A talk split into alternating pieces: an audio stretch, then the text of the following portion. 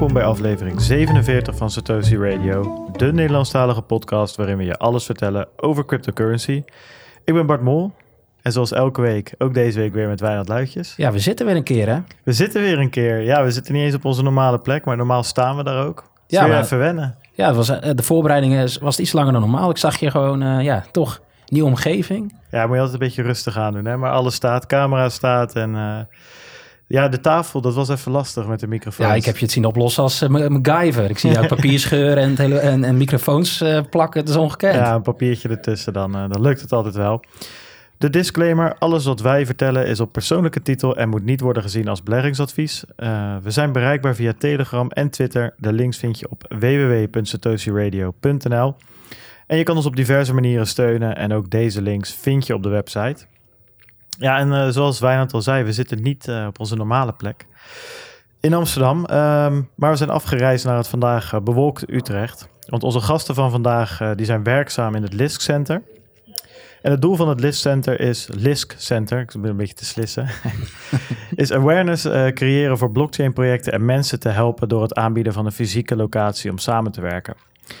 Ik heb het over niemand minder dan Jurre Magielsen. Jurre, leuk dat we hier mogen zijn.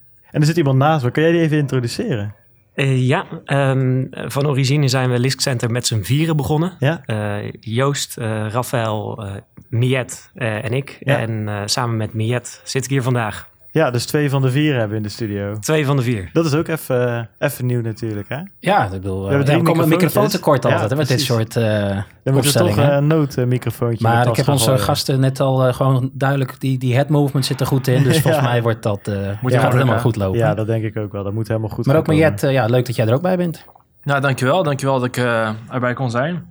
En eh, ik heb er zin in. Het wordt een eh, leuke podcast. Sowieso. Ja, dat, eh, dat gaan we zeker doen. Ehm, ja, dan moet ik ook even nadenken. Wij we moeten nu gaan improviseren, want de stellingen natuurlijk. Ja, laten we het doen. Hè. We, dus we hebben de stellingen natuurlijk staan. Dat eh Jurre kan deze beantwoorden. En als Miet er anders over denkt, dat hij zegt eh, dat, Dat, hij, het even moet laten dat hij het corrigeert in Ja. zijn eh, mening. En dan gaan we gaan kijken hoe dat gaat. Oké, nou dan beginnen we met de eerste. Satoshi of Vitalik? Satoshi. Eens? Ja, Satoshi. Ja, dat is een snoeptomaat of een banaan? Een snoeptomaat. Ja, toch wel hè? Ik dacht het al wel. Ja, een eh, banaan. Ja, Voor de gains. Lisk of Ark? Ehm, ik zou zeggen Lisk. Alleen ehm, uiteindelijk denk ik dat we dat, eh, dat we dat antwoord pas over een jaartje of vijf tot tien gaan geven. Ja, Maar uiteraard, jullie eh, voelen me wel aan dat de, de voorkeur ligt bij Lisk. ja. ja ik snap het. Ja, sowieso. Echte planten of plastic planten? Echte planten. Ja, we wilden voor echte planten in het center, maar eh, we gingen voor neppen. Helaas. Ja, want de vraag staat er inderdaad in, omdat eh, we waren net bij jullie, eh waar ik een dagje ja, zitten werken. eh, ja, in het Liske Center. En eh, het zag er heel groen uit. Alleen het waren allemaal plastic eh, planten. Ja. ja. Bear market. precies. Ja, dat is uiteindelijk eh, ambitie voor de toekomst. Ja, Gezond gebouw. En dan eh, ook echt een gebouw met z'n allen. oké. Virtuele samenwerking of fysieke samenwerking? Een combinatie, het liefst. Ah, even, het is een Oh, opstelling. Het is een opstelling. Ja, ehm, eh, dan fysiek. Ja. Eh, fysiek, ja. Ja, want jullie, weet je, we kwamen op deze vraag omdat jullie eigenlijk, hè, het Lisk Center is echt opgezet om, nou ja, hè, dat is eh, een onderdeel van de missie en, en, en de visie die op de website staat om daar echt ja, samen te komen en te netwerken en kennis te delen. Terwijl je ook zeker in de crypto space gewoon eigenlijk teams, bedrijven zelfs, gewoon compleet eh, gedecentraliseerd over de wereld zitten en eigenlijk Ja. elkaar helemaal nog nooit ontmoet hebben in het echt. Ja, ja ik denk dat eh, wat wij ambiëren is precies op dat kruispunt zitten. Tussen fysiek en digitaal, maar ook tussen de grote platformen en uiteindelijk de toepassingen. En eh, uit, ja, een, stukje, dat, dat is de algemene trend, misschien ook wel eh, gewoon in de wereld. Eh, het digitale is leuk, maar heel veel verdwijnt ook ergens in een zwart gat. En fysieke samenwerking is toch wel essentieel om op sommige vlakken gewoon verder te komen. Ja, ik denk dat, tenminste als ik het uit mijn eigen perceptie heb, dan vind ik dat ook. Hè. Dus we hebben vandaag inderdaad een dagje bij jullie gewerkt. Ik moet zeggen, ik het was altijd echt heerlijk. Prima koffie, prima faciliteiten. En ik denk, wel, ik zag ook verschillende de, mensen samenwerken.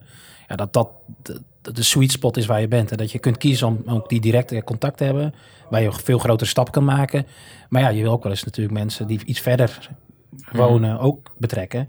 Ja, en ik vind dat, eh, die, die, die- daarom snap ik wel dat je zei en. Hè? Dus dat je zegt, ja, ik wil eigenlijk helemaal niet kiezen. Ja. Nee, ja. En inderdaad, eh, het is ook gewoon veel efficiënter om allemaal iedereen op één plek te hebben. Maar we weten met de crypto space, iedereen zit over de hele wereld. Ehm, maar daar, daar, heeft- daar heeft ook al aan gedacht, maar eh, meer daarover later.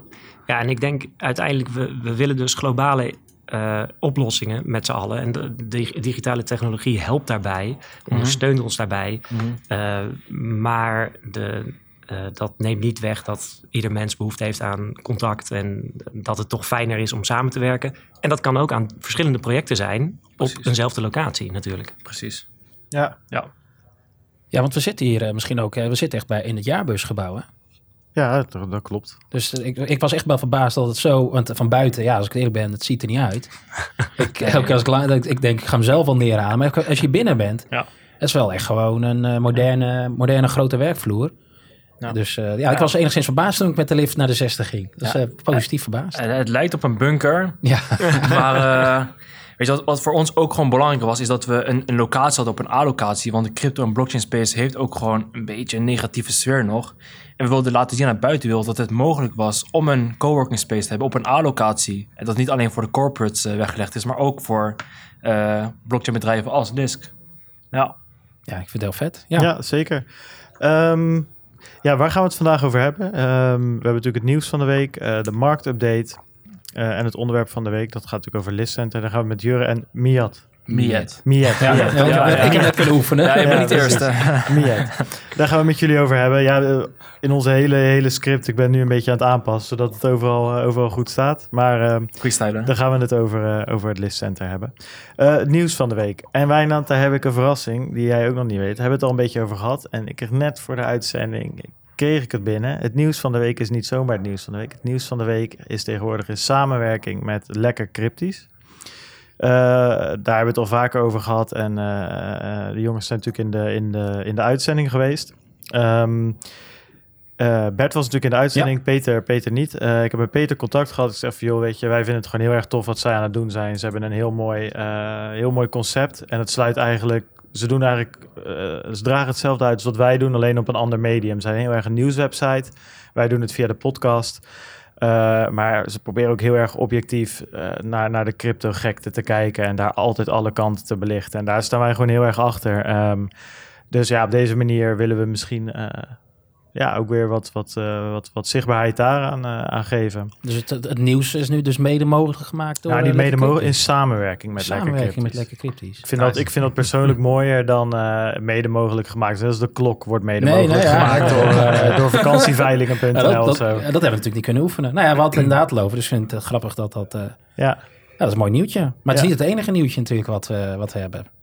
Nee, nee, nee, nee, nee, nee, nee. Eh, Het, het regent mooie nieuwtjes deze week. Eh, ja, we hebben natuurlijk al een tijdje erover gehad dat wij eh, op 6 juni graag een aantal stukken glas op gaan halen bij, bij de BNR-redactie. En jij weer in je smoking eh, Precies, de, de, de Podcast Awards. Ehm, ja, ik denk dat we heel tevreden mogen zijn. We hadden natuurlijk gehoopt om in eigenlijk elke categorie genomineerd te worden. Ehm, en het is uiteindelijk alleen maar gebleven bij tech en innovatie. maar daar zitten we wel maar mooi tussen. eh, met ons kleine Stocie Radio podcastje. eh, tussen de Cryptocast. Dat is natuurlijk ook voor, voor Herbert, Boris en, en Madelon ook gefeliciteerd. ja, dat zij ertussen zitten, hartstikke leuk. Twee crypto-podcasts in de, in de, in de, in de tech-afdeling. Tweakers, de technoloog van BNR ook. En Bright, Ja. de Bright podcast. Ja, dat zijn toch wel gerenommeerde platformen waar we tussen staan. Natuurlijk BNR, maar ook Tweakers. eh is ook een enorme website. En Bright is ook hartstikke lang eh, actief op allemaal, allemaal kanalen.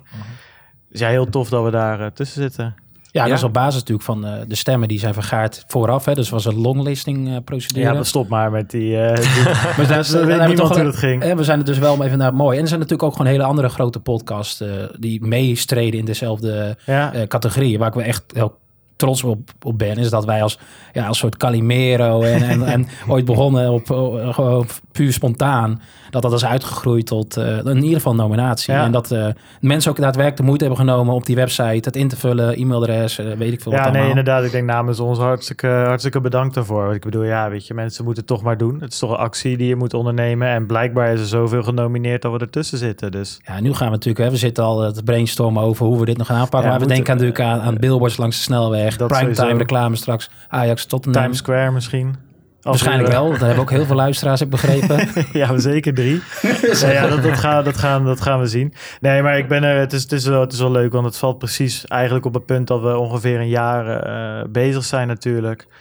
Ja, weet je, ik ben met zoveel dingen, dingen begonnen. YouTube-kanalen, Instagram, noem het allemaal op. En eh, dit, is, het- dit is het eerste wat ik eh, überhaupt een jaar volhoud. Wat wil een jaar volhouden. Dus ja, daar ben ik wel, eh, wel trots op. Dus dat is echt eh, hartstikke leuk om daar, eh, om daar genomineerd te Ja, zijn. maar het is niet alleen, hè, dus ik moet ook zeggen, we hebben natuurlijk ondertussen 41 gasten, Ja. inclusief vandaag. Dus ja, dat hadden we toen we met z'n tweeën begonnen nooit gedacht van, oké, we gaan beginnen en we gaan het zien. En we hebben een bepaald jaar, idee. Tot we heel snel door hadden, oké, dit gaan we niet volhouden met z'n tweeën op, om echt iets leuks gesprek te hebben. nee. Maar dat we al inderdaad 41 gasten bereid hebben gevonden om superleuk content te brengen, al zeg ik het zelf. Ja. En dat, ja, ik weet niet, dat we een hele leuke community hebben opgebouwd ondertussen op Telegram. En, en dat we ook op meetups bezig zijn. Ja. En ik denk dat dat gewoon eh, een beloning is van, eh, van alle fun ook die we En, hebben. en het idee was natuurlijk in het begin hè, om kennis te delen. En eh, dat proberen we nog steeds te doen. In ieder geval ons, onze mening over dingen. Maar we hebben zelf zoveel geleerd. Omdat je elke week weer heb je weer een expert over, over regulations. Expert over smart contracts. Een expert over bitcoin. Een expert over pensioenen. eh, energiemarkt. Wat hebben we allemaal nog, niet gehad, weet je wel. Beurzen, trading, noem het allemaal op. En elke week kan je gewoon, ja de vragen die je hebt, die vuur je gewoon af op iemand. En je leert weer zelf wat. En eh, dat gaat echt in een sneltreinvaart. En het is, jij had het gisteren ook op, eh, op LinkedIn gepost volgens mij. En, eh, en in de Telegram gewoon heel veel leuke reacties. En, en ja, daar doe je het uiteindelijk voor. Ehm, dus ja, nee, dat, dat is enorm leuk. Ja, en nu is het natuurlijk zaak om dat, dat zou ik bijna vergeten, zaak om dat, om dat stuk glaswerk eh, binnen te gaan slepen, Wijnand. En wat moeten ze daarvoor doen dan? Ja, www.podcastawards.nl. Dus ja, jullie kunnen weer naar dezelfde website om, eh, om daar nu niet te nomineren, maar te stemmen. Je krijgt een hele trits aan, aan alle categorieën te zien. Nou ja, eh, staat er nog wat anders leuks tussen. Stem daar ook vooral op, maar dat hoeft dus niet. Ja, en stem dan in de categorie tech en innovatie op, eh, op ons. En dan klik je op stem. En dan komt er een, eh, de button verandert dan in een soort gouden microfoon. Dan moet je helemaal naar onder scro- eh, scrollen. En daar staat iets van eh, zend in of eh, eh, whatever, iets in die richting.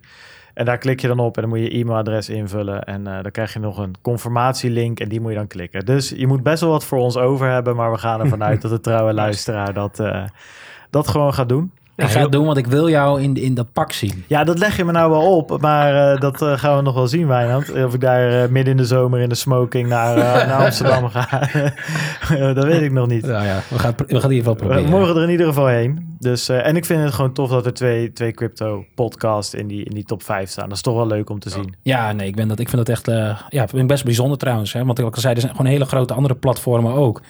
En bij ja, onze community heeft toch de moeite genomen om het te stemmen. Ja, en nu moeten we er ook voor gaan. Nu wil ik ook winnen. Hè? Ja, nu, nu gaan we ervoor. Maar ja, nee, maar goed. kom goed. Er komt Ja. een marketingcampagne aan. We hebben een hele maand. hey, ehm, ja, het nieuws van de week. Ik zit dus een beetje te kijken. Eh, jij hebt je een beetje ingelezen in het hele Tether-verhaal. Toch? Nou ja, wat er Ik vond, gebeurde ik natuurlijk... vond het zelf een beetje lastig namelijk. Om Nou ja, weet je, dit is natuurlijk al heel lang. Hè? Maar vorige week hadden we een opname gedaan. En wij hadden nogal, eh, Bart en ik zaten al te geinen ook in onze Telegram. Oké, oké, als wij online zijn geweest en we posten een podcast. Dan eh, start de Bitcoin-prijs in ieder geval omlaag. En dat meestal ook aanzienlijk. Nou, dat was een tijd waar we die gift kwijt. Maar het was weer gelukt vorige week donderdag. Dus eh, inderdaad, we hadden de podcast opgenomen. En hij was online. En toen kwam er een, nieuwsbericht dat inderdaad Bitfinex iets van 800 miljoen of 850 miljoen aan, aan funds van, van klanten kwijt zou zijn. En dat ze onder andere Tether of Tether of USDT hebben gebruikt om dit gat op te vullen. Ja. Nou, er is altijd al een, een, wordt er een verband gelegd tussen deze beide partijen, want dezelfde mensen zijn betrokken. Dat schijnt dan weer de Panama Papers of in ieder geval een van die uitgelekte papieren te zijn, waar dat ook uit blijkt. Eh, maar goed, wat is nou gebeurd? En dat, eh, ja, dat, dat kan ik heel mooi zeggen. Dat heb ik ook inderdaad van het artikel van Lekker Cryptisch gehaald. Dat is een mooi artikel dit. Het, echt, want het is best wel complex, die Ja. structuren. Dus ik had zelf ook ja, voor de uitzending, hoe ga ik dat snel eh, uiteenzetten? Heb ik daar even naar gekeken. Maar er zit dus een bedrijf achter Bitfinex en Tether. En dat is Efinex. En die maken be- be- gebruik van een betaalplatform of betaalprovider, PSP. En dat is dan Crypto Capital. En blijkbaar hebben ze een grote sum de- die kant ooit opgemaakt. En dat was dus in totaal 850 miljoen. En dat is geseized. En daar zou dan Polen, Portugal en, en, en Amerika achter zitten. Die hebben eigenlijk beslag gelegd op die funds. Dus het is niet Maar zo dat dat, zijn echte dollars dan. dat zijn, ja, dat zijn in ieder geval crypto's, denk ik, of, of echt dollars. Dat, dat kon ik even niet zo snel uithalen in welke vorm dat daar staat. Ik denk gewoon dat een, een payment provider die zal wel gewoon cash willen. Dus, Ja, nee, precies. hè, dus dat zou wel een cashpositie zijn geweest. En anders verlies je ook geen 850 miljoen in nou, geld. dat, is- dat is dus de vraag. Hè. Zij, dat is een reactie van Tate of van, van Bitfinex. Zegt, ja, we zijn er niet kwijt. Het staat daar, staat daar, het staat daar vast. Het is op beslag opgelegd. En we zijn bezig met ons legal team om dat terug te doen. Dus het is niet zo dat het gehackt is. We hebben natuurlijk ook over hacks gehad. Zo'n beetje elke uitzending sinds we zijn begonnen.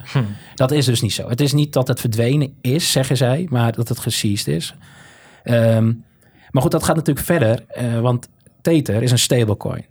En dus zij hebben altijd de claim gehad voor elke Tether die wij geprinten, dus die wij uitbrengen en die gebruikt wordt, hebben wij één USD in een soort cash reserve op een Ja. bankrekening staan. Nou, en dat, dat nieuwtje kwam dus ook hierna van, ja, de vraag was, is dat dus wel zo? Hebben, eh, zijn die posities wel real?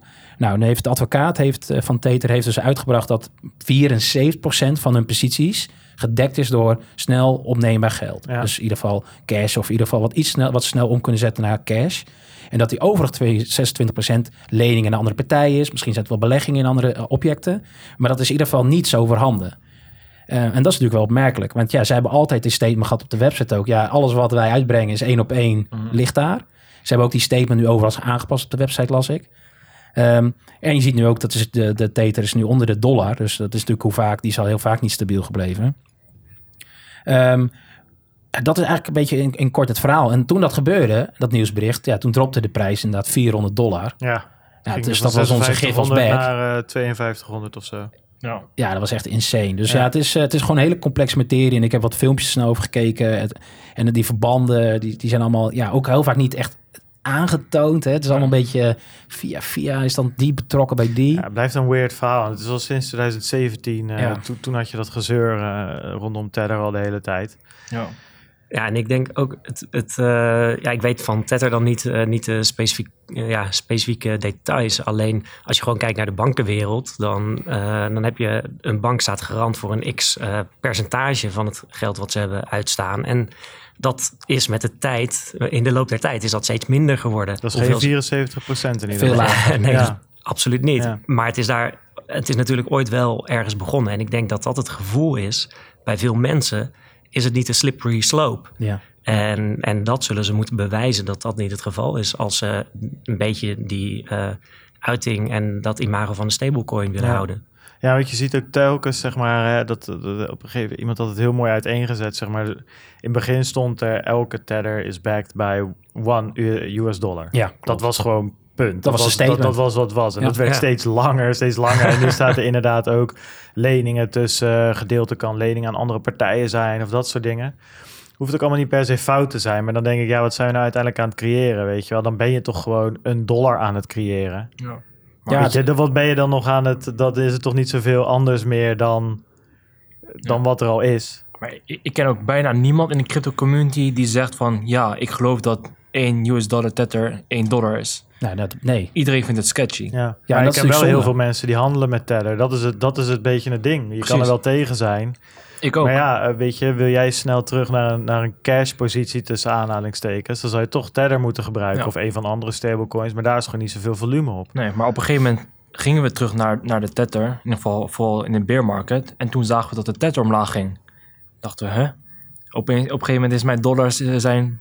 Ja, geen geen dollars ja, zijn geen Ja. dollars meer. Is het op een gegeven moment eh 70, 80 cent. Ja, dan eh, heb je een probleempje. Nou ja, weet je, Ja, is eh, ta- 80 ja, cent 90 cent of zo. Hij is wel echt eh, flink even een keer heeft hij toen een klap gehad. Hij is flink echt een keer een klap Ik gehad. weet niet of inderdaad. 70, 80 cent aangetikt, maar in ieder geval substantieel omlaag. Ja. En nu hangt hij weer op 97 cent. Maar wat het grappige is, is dat je daar eigenlijk ook ziet dat je er. Stel hè, even het hypothetische geval dat ze echt een dollar gewoon netjes in een kluis hebben liggen voor elke teller die eruit staat. Stel dat het zo is. Dan nog kan je die fluctuatie hebben, omdat dat eigenlijk dus ook aantoont dat het helemaal niet uitmaakt of je ze backed hebt. Het gaat erom wat, mens, wat de perceptie van mensen is. Het is gewoon een, een verhaal waar mensen in geloven of niet. En als mensen er niet in geloven, dan zal die minder waard worden. En mensen er wel in geloven, dan zal die meer... het- Dat, Ja, en dat zie je nu. Dus hij is omlaag. Maar ja, weet je, die 74% staat wel tot, ik heb net hier staan, 2,1 miljard dollar.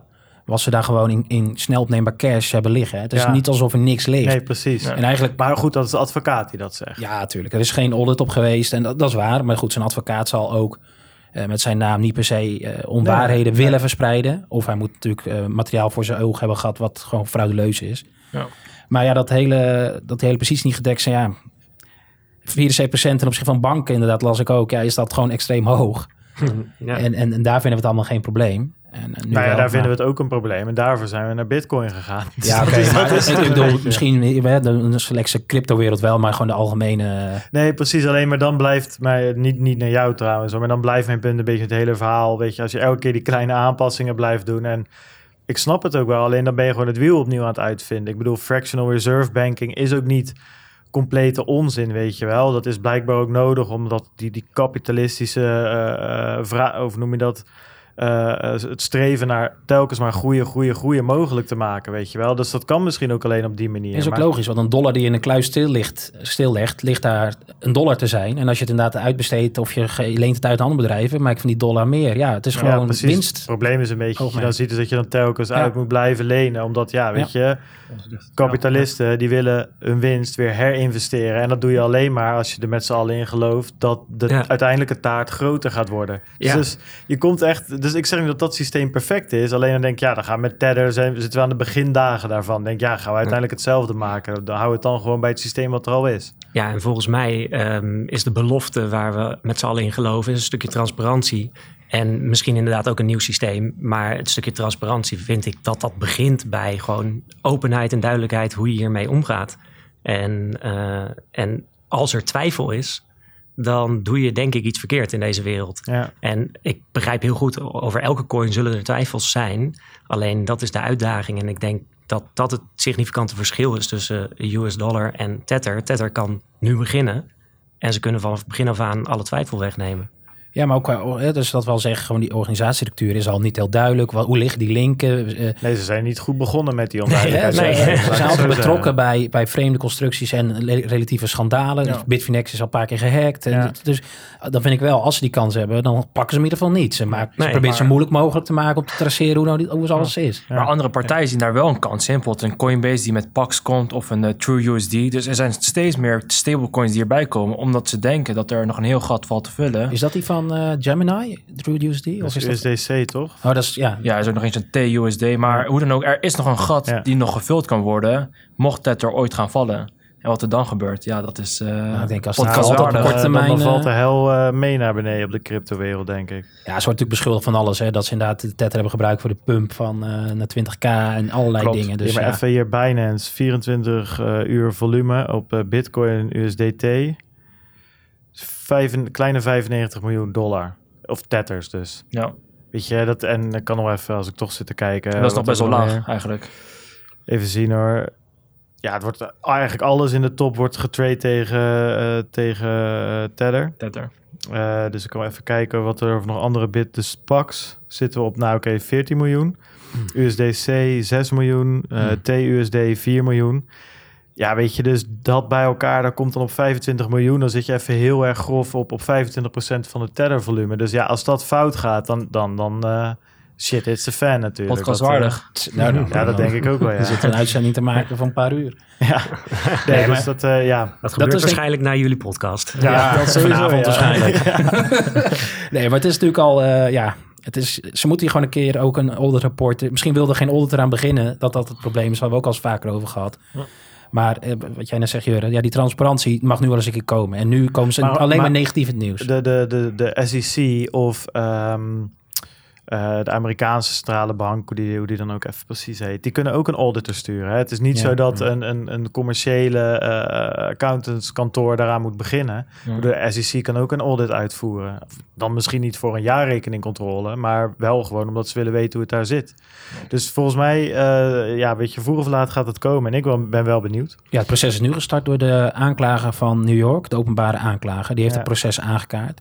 Ja. Ehm, zonder er al te veel informatie eh, over bij te geven. Eh, meer, ja, wij gaan het, dit gaan we starten. Ja. En eh, ja, ik denk dat het wel belangrijk is. Wel grappig is trouwens, die betalen, die Crypto Capital, die PSP, die betalingsverwerker, die had ook Quadrica CX.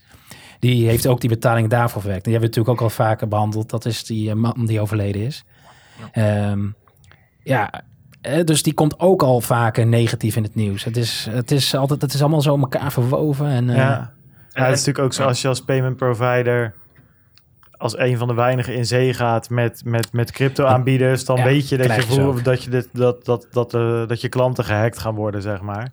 Ja. Maar Ja. goed, dat, eh, En eh, ik denk ook dat een, een kleine disclaimer is natuurlijk... alles is zichtbaar op dit moment. Eh, door internet, maar ook door blockchain wordt heel veel transparant.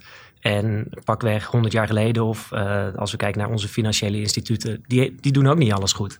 En eh, ik denk dat ze een hele goede eh, job doen... eh, met wat we met z'n allen hebben neergezet. ja. Maar de dingen die ze niet goed hebben gedaan, gebeuren voor veelal achter de schermen. En dat zie je nu dus veranderen. Je ziet dingen die niet goed gaan, zijn direct zichtbaar Ja. en hebben direct consequenties. En de vraag is dan ook af en toe dus van wat is dan de intentie van iemand? Ja, dat, dat weten we niet. Ja. Het is wel een goede uitdaging voor de toekomst, denk ik. Ja, met de introductie van, eh, van GDPR is dat trouwens ook voor de ouderwetse financiële instellingen wel wat eh, aangescherpt. Een datalek moet je natuurlijk gewoon melden. Dus als jij gehackt Ja. wordt als, eh, als eh, een grote bank of whatever. als er je- persoonsgegevens bij betrokken waren wel. Ja, klopt, maar een hack. Laat ik het zo zeggen, zo'n quadriga hack, dan kan je de, de klok op gelijk zetten dat je die gewoon moet melden natuurlijk. Ah, Weet je, weet of- er zijn mensen precies. die toegang eh, gehad hebben tot de klantenfunds en die weggesluist hebben. Dat lijkt me wel dat je dan ook toegang hebt tot de persoonsgegevens. Ja, het zou kunnen. Ja, Maar de vraag is uiteindelijk, wordt het gedaan? En ik geloof er best in dat we met die GDPR eh, en überhaupt op dit moment in de tijd Ja. daar heel erg goed mee omgaan. Ja. Eh, maar ik denk dat in het verleden er vast wel zaken onder de tafel zijn Oh geschoven. Ja, nee, die en tapijten, misschien- die staan bol van de dingen die eronder Ja, nou ja, misschien gebeurt dat nog steeds al, dat weet ik ook niet. Het is wel dat die, die GDPR-boetes zijn niet mals. Zo. Zeker niet In de US als niet. jij dat... eh, Of in Europa is het alleen natuurlijk. zeker als jij dat gewoon expres onder het tapijt veegt. Ja. Dan ben je nu gewoon strafbaar bezig. Ja. Ja. Ehm, ja, ik zit even te kijken. Kijk, we hebben nog wel wat andere leuke dingetjes. Eh, ik zag dat jij nog iets over CoinMarketCap hebt eh, toegevoegd. Ja, heel kort. Hè. Die het altijd van hoeveel handelsvolume is er nou echt? En dat was een maand of twee of een maand geleden was ook zo'n artikel gekomen over hoeveel volume is er nou echt op de markt. En dat dat eh, voor 80 of 90 procent fake zou zijn, et cetera. Klopt. Eh nou, CoinMarketCap die heeft daar een eh, nieuw project op gestart. Dat is in het kort data.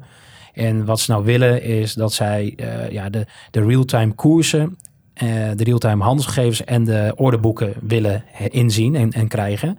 Om daar gewoon data-analyse op te doen, om ook het te kunnen zuiveren. Ja. Ik weet nou niet het- of dat nou per se de oplossing is eh, om, om fake materiaal eruit te halen. In ieder geval hebben ze meer data, Ja. waardoor ze meer zouden kunnen zien. Het grootste probleem is dat natuurlijk in wash trading. Maar wash trading zijn wel echte orders die Ja. daarna weer door dezelfde persoon worden opgekocht. Exact Dus ja, dat. Dus ik weet niet hoeveel ze dat er nou uit gaan halen. In ieder geval ja, moeten bedrijven, of tenminste exchanges daar volgens mij eerst begin juni aan voldoen. Best wel vlot. En zo niet, dan wordt alle volume die ze hebben wordt uitgesloten, wat ze niet kunnen verifiëren. Dus kan nog wel impact hebben. Maar ik zag wel Binance, Bittrex, OKX, Huobi, al die exchanges, de echte grote Ja. UCOs, die staan al lang eh, op het lijstje die eh, gewoon openheid willen geven. Maar ik ben echt benieuwd eh, wat het voor consequenties gaat hebben. Of inderdaad vanaf dat, vanaf dat datum, van dat moment een enorme drop in Ja, volume zien. Ik wil net zeggen, grote UCalls. Moeten we kijken of het echt grote UCalls Nou, zijn. ja, precies dat. Dus, want ja, In dat onderzoek waar toen uitkwam dat 90% van het volume fake is, kwam volgens wel, mij wel naar voren dat, dat die grote UCOs nou juist precies degene waren waar het volgens mij in ieder geval niet bewezen kon worden dat het nep was.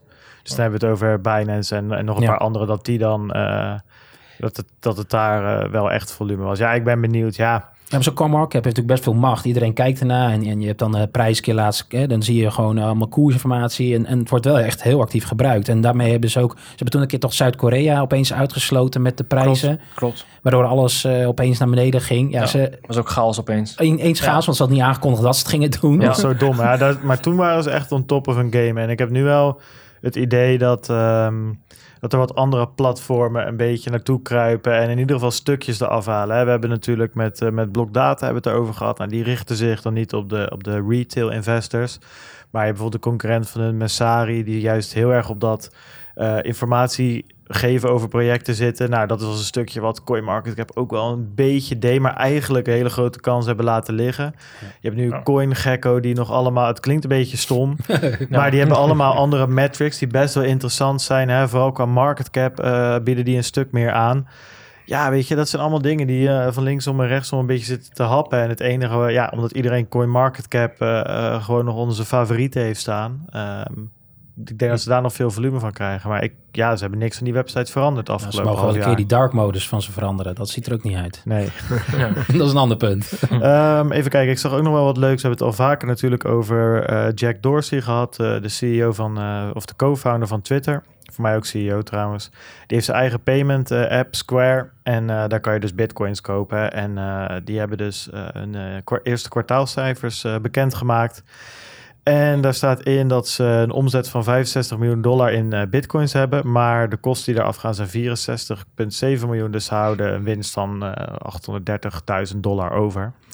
Eh, maar dit was allemaal hoger dan de voorgaande kwartalen. Dat was het een beetje meer. Ehm, daar vraag ik me wel een beetje af ja, hoe, dat, hoe dat nou precies zit. Eh maar hebben ze waarschijnlijk eh, voor 65 miljoen aan bitcoins verkocht. En eh, ja, moeten ze ook inkopen. Dus in principe is het gewoon een fee-business volgens mij. Ik kan me Mm, niet volgens mij voorstellen hoe je dat ja. anders doet.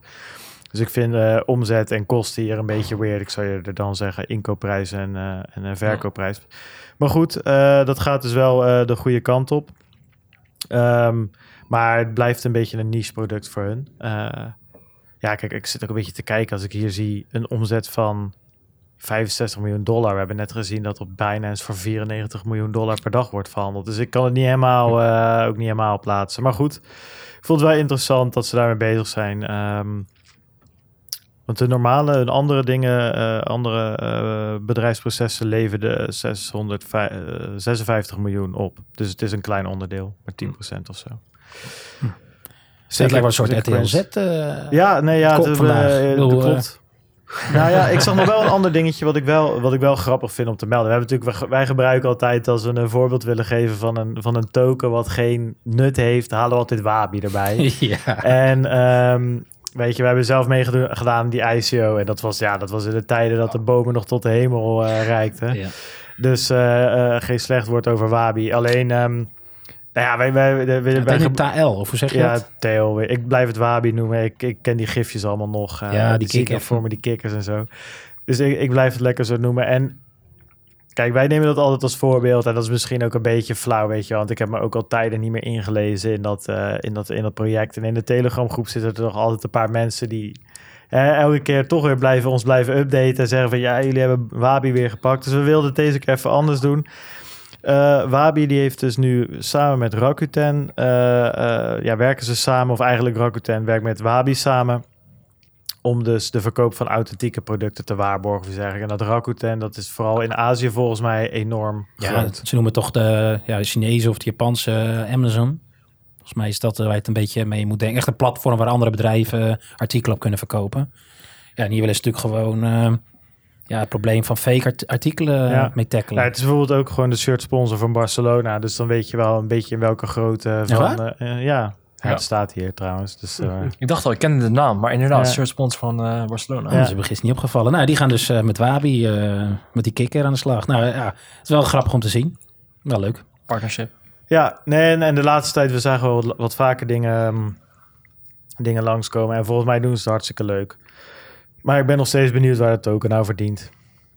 Weet je, Ja. daar ben ik nog steeds niet helemaal over uit. Maar eh, eerlijk is eerlijk, ik denk wel dat er, dat er behoorlijk ergere shitcoins zijn... die helemaal niks meer van zich hebben laten horen. Dus we moeten even op zoek naar een nieuw voorbeeld voor een... eh, Ja, nou, daar gaan we eens even over denken. Nou, het is ook niet dat we behandelen als een scam, helemaal niet. Ze doen ook daadwerkelijk wat. Nee, nee. En, ik, eh, ik, heb het altijd een goed idee gevonden. Alleen op, op, op een gegeven moment kon ik dus niet meer vinden waar het token nou uiteindelijk zijn waarde had. En toen had ik zoiets van, ja, oké, dit... eh, Ja, ik denk dat dat misschien nog wel eh, een van de, de meest ondergewaardeerde aspecten is eh, op dit moment. We hebben het continu over de technologie. Maar als we, als we die platformen hebben, eh, pas dan begint het echte werk. En eigenlijk moet je daar nu al mee bezig zijn. Maar de massa is daar nog niet mee bezig. Van game theory, microeconomics. Waarom zou je een token nou met waarde moeten hebben? Moet die wel in waarde kunnen stijgen of niet? Ja. Heb je misschien twee of drie tokens nodig voor je product? Ik heb geen idee. Maar Ik ben wel benieuwd hoe dat eh, zich gaat ontwikkelen. wat, wat vooral bij mij was, is dat ik in een boelmarkt opeens overal currencies zag. En ik dacht dat we juist van het aspect wilden stoppen en dat we honderden currencies hebben. En opeens zie ik honderden of zelfs misschien duizenden currencies. En denk van waarom hebben we zoveel currencies nodig? Waarom kunnen we niet gewoon een paar gebruiken? Ja, die hebben we ook niet nodig. Alleen anders kon je geen ICO doen. Dat was technisch gewoon wat het, Ja. wat het was. Want als jij het de security noemde, dan kwam de SEC achter je aan. En als je het geen security noemde, kon je dus wel geld ophalen.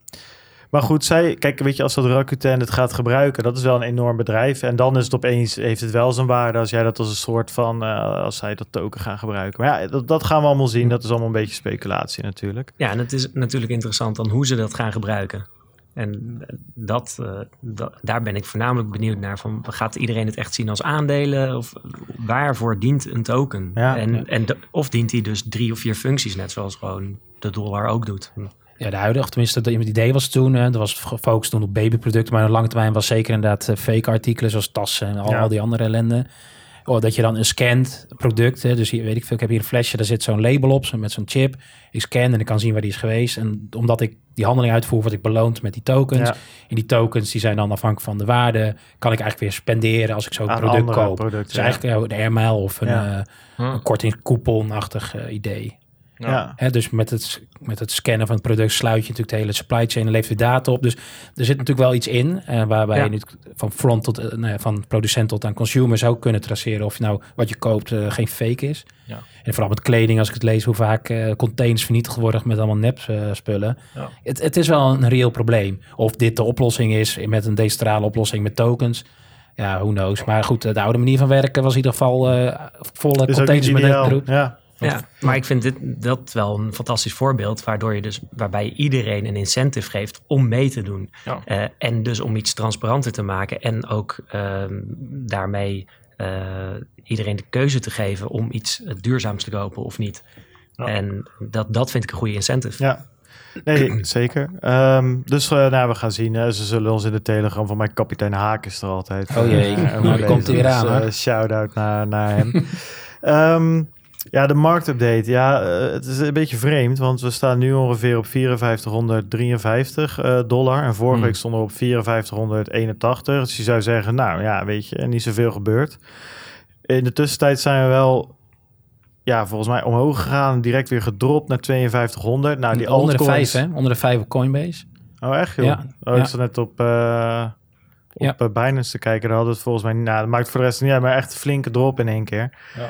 En eh, alle altcoins die, die, die donderden nog harder in elkaar. Die waren natuurlijk de afgelopen weken al ze nu en dan ook al een flinke tikken gekregen omdat Bitcoin omhoog ging. En nu ging het er in één keer weer af. En nu gaat het weer omhoog. Dus die krijgen aan alle kanten eh, tikken. En die zijn eigenlijk nog niet echt bekomen van de schrik. Nee. Dus ja, eh, dat gaan we wel weer zien hoe dat lukt. Ik vind het wel, ja, ik denk enigszins positief om te zien. Eh, ja, of misschien laat het zien dat we met z'n allen enorm delusional zijn. Dat kan natuurlijk ook. Maar dat eh, die, die tether fut, zeg maar, wel zijn impact had. Maar dat het eigenlijk heel snel weer terug in die trend ging waar we in zaten. Ja. Eh, ja, dus we kunnen ook allemaal blind zijn voor de enorme red flags waarvan we over een jaar zeggen ja, dat we dat niet gezien hebben toen. Ja, volgens mij las ik ergens dat eh, april een van de was iets van 30% gestegen, hè, de Bitcoin. En dat het een Ja, van de meest succesvolle maanden was. 3200 zaten we. Ja. Dus we zitten ook, dat is gewoon natuurlijk keer twee, dat zie je bijna niet. Omdat je die hele drop gewoon mee hebt ge, ja, genomen en gewoon vast hebt gehouden natuurlijk. Dus ja, dan heb je zoiets van ja, 6000 is nog steeds niet, eh, eh, niet zo hoog. Maar ja, als jij natuurlijk op 3200 je bitcoin gekocht hebt, dan, dan ben je dus nu al bijna verdubbeld. Ja, en natuurlijk eh, komt de halving eraan volgend jaar. Ja. En we hebben op de 6000, wat is het, acht maanden stilgezeten op de 6000. Dus als we weer op de 6000 komen, is het wel weer een heel, eh, hele mooie achievement. Ja, ik ben benieuwd of het dan als resistance is. Maar goed, dan moet ik even de, de, de triangles en alles te- erbij pakken. Maar We eh, een paar, een paar driehoeken erop eh, tekenen. hey, de oude sok. Ehm, ja, Ja, dat, ja, zal is- dan iets omlaag zijn gegaan, denk ik. ja, het is marginaal. Hè? Dus wat je al zegt net met de prijs van de bitcoin, nou, het is bijna hetzelfde als vorige week. Dus ook onze posities in die oude sok, eh, die zijn eigenlijk eh, onveranderd. Dus bitcoin, top 10, market cap, toen we instapten, spaarrekening, AX en het goud. Ja, het is eh, marginaal verschoven. Dus ik, ik wil ze niet eens behandelen per stuk, maar Nee, dus vorige positie, eh, vorige week hadden we min 280 op onze 5000 euro inleg. En nu min 302. Ja, dat is dus 22 euro verloren over vijf categorieën. Ja, dat laat al zien dat er eigenlijk gewoon een week, eh, ja, ups en Ja, downs. Maar ja, eh, niks gebeurd eigenlijk. Precies op dit Op het moment ja. Ja. Nee, eh, eh, precies. Ehm, ja, nou, dan gaan we volgende week dan wel weer, eh, wel weer zien hoe, eh, hoe dat zit. Ehm, ja, nu gaan we het eh, met jullie hebben over het listcenter natuurlijk. Daar zitten we hier voor. Eh, of vergeet ik iets? Nee, toch? We Nee, zijn- nee, we dat was hem. helemaal, ja, ja. Ja, je gaat heel smooth. ja, nee, ik schrik er zelf van, joh. Ja, Nee, ehm, Ja, we zeker. hebben even zitten kijken en ik, ik had natuurlijk in het, in, in het nieuws, maar in het crypto nieuws, weet je wel, is, is best wel wat voorbij gekomen. Listcenter in Utrecht en wat meetups die, die hier al gehouden zijn, die ook bij ons in de groep kwamen mensen daarvan. eh, we hebben een, eh, er is een meetup en dat is bij in het Lisk Center. En ja, ik, heb, eh, ik had eigenlijk geen idee wat, wat jullie nou precies doen, zeg maar. En weet je, zitten jullie hier uit te developen aan, aan Lisk? Of is dat wat anders, weet je wel? Wat is het nou precies? Ik weet alleen dat er meetups zijn. Dus misschien is dat goed om kort mee te beginnen van wat... ehm, ja, wat is het Lisk Center nou precies? En jullie twee waren, waren erbij toen het opgericht werd. Wat is jullie rol hier, eh, hierin? Ja, nou, ehm, eh, wat het op dit moment is, het Lisk Center, is eigenlijk, eh, het is een cowork-locatie. We wilden echt de, de virtuele eh crypto-wereld naar iets fysieks trekken, omdat we met z'n allen nog zoveel moeten, ehm, ja, eigenlijk eh, omdat er nog zoveel ontwikkelingen moeten gebeuren voordat we echt hier de, de, de, eh, de resultaten van gaan zien.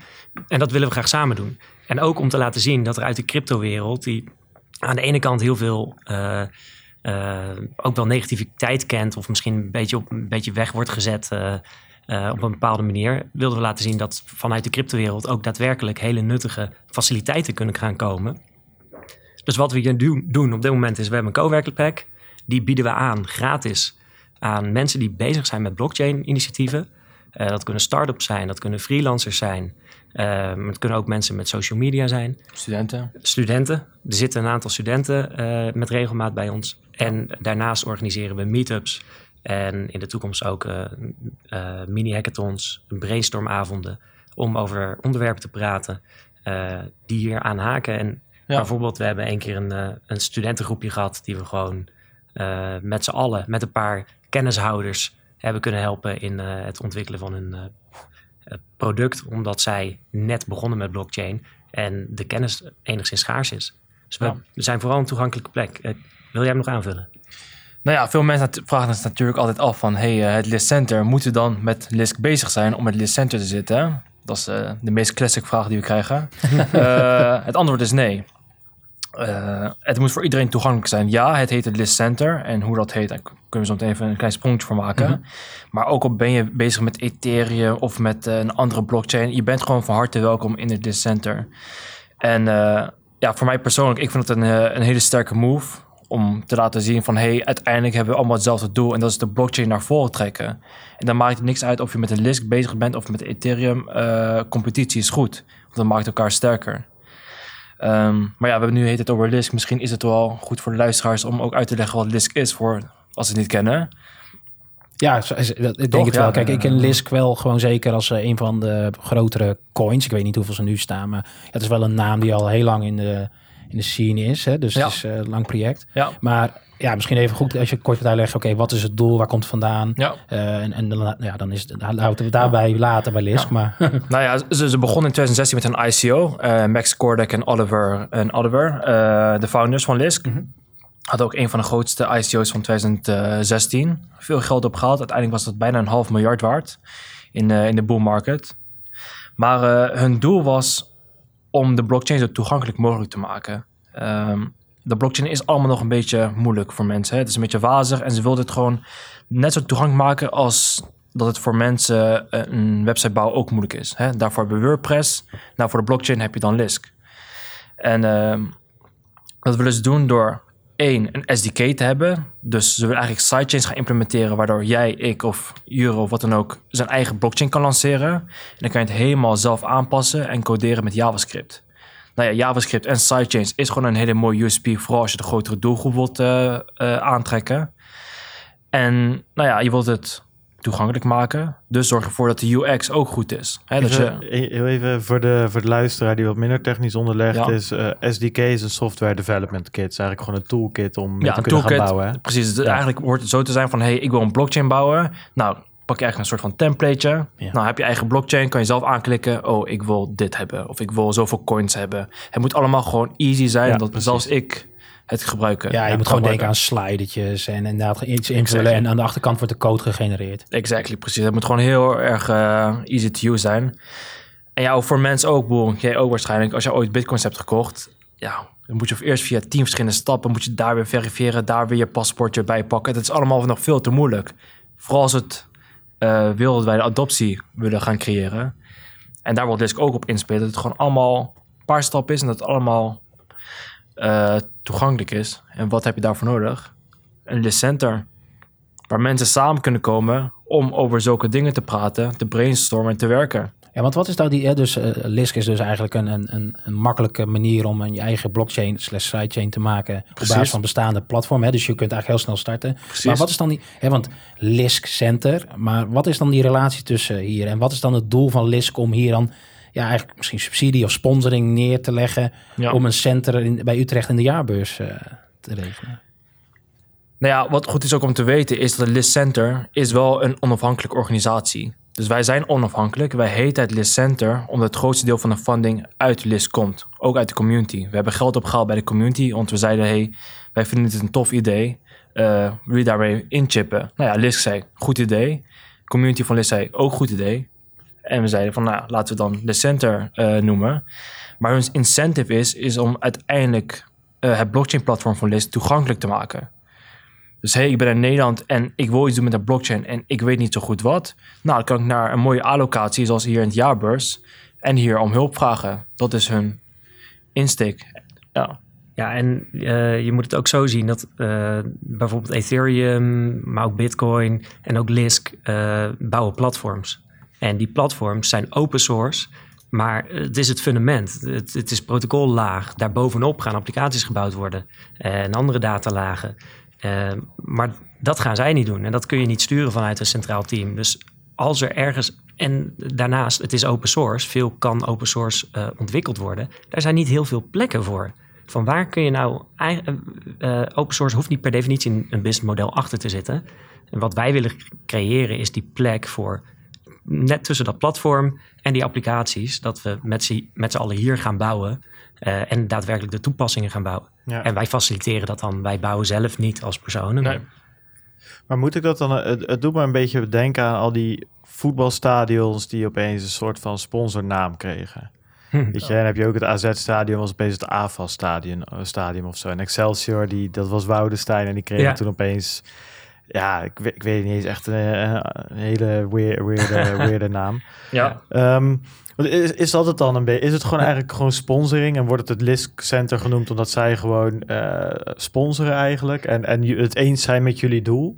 Is dat dan eigenlijk de, de beste omschrijving voor die connectie die, die er is? Ja, ik denk dat ehm, eh, dat is een goede analogie, zeg maar, eh, een, of metafoor. En, ehm, we hebben donaties opgehaald, dus in die Lisk community.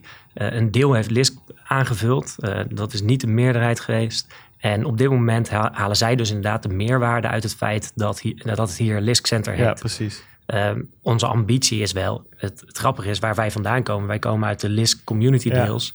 Ehm, en da- dan, dan sluit je toch een beetje in je hart. Ja, Maar ook als je hier begint, dan denk je van ja, wat je, wat je wil doen, wat je met z'n allen wil bereiken, is veel groter dan Lisk. ja, Ehm, Nou. Dus je wil, je wil eigenlijk dat, dat open platform zijn. En je geeft het inderdaad een, een naam van een stadion.